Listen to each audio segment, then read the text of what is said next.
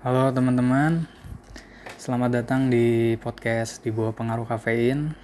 Makasih udah mau dengerin.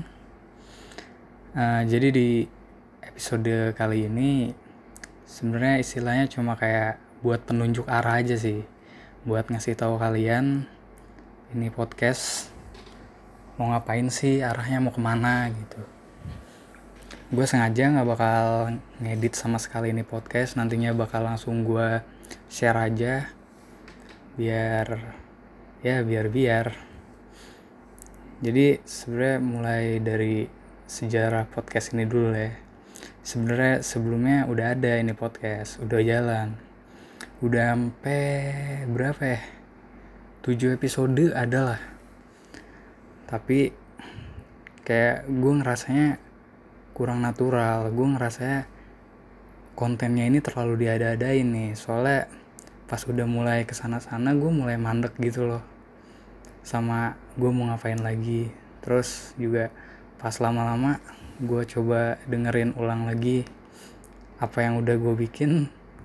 Nggak tahu kenapa gue malu sendiri gitu loh dengerinnya. Jadi ya udah gue putusin buat hapus semua itu.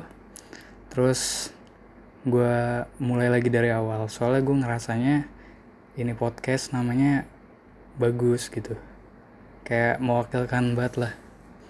Jadi kalau sampai harus berhenti gitu aja nggak ada lanjutannya lagi gue ngerasanya sayang.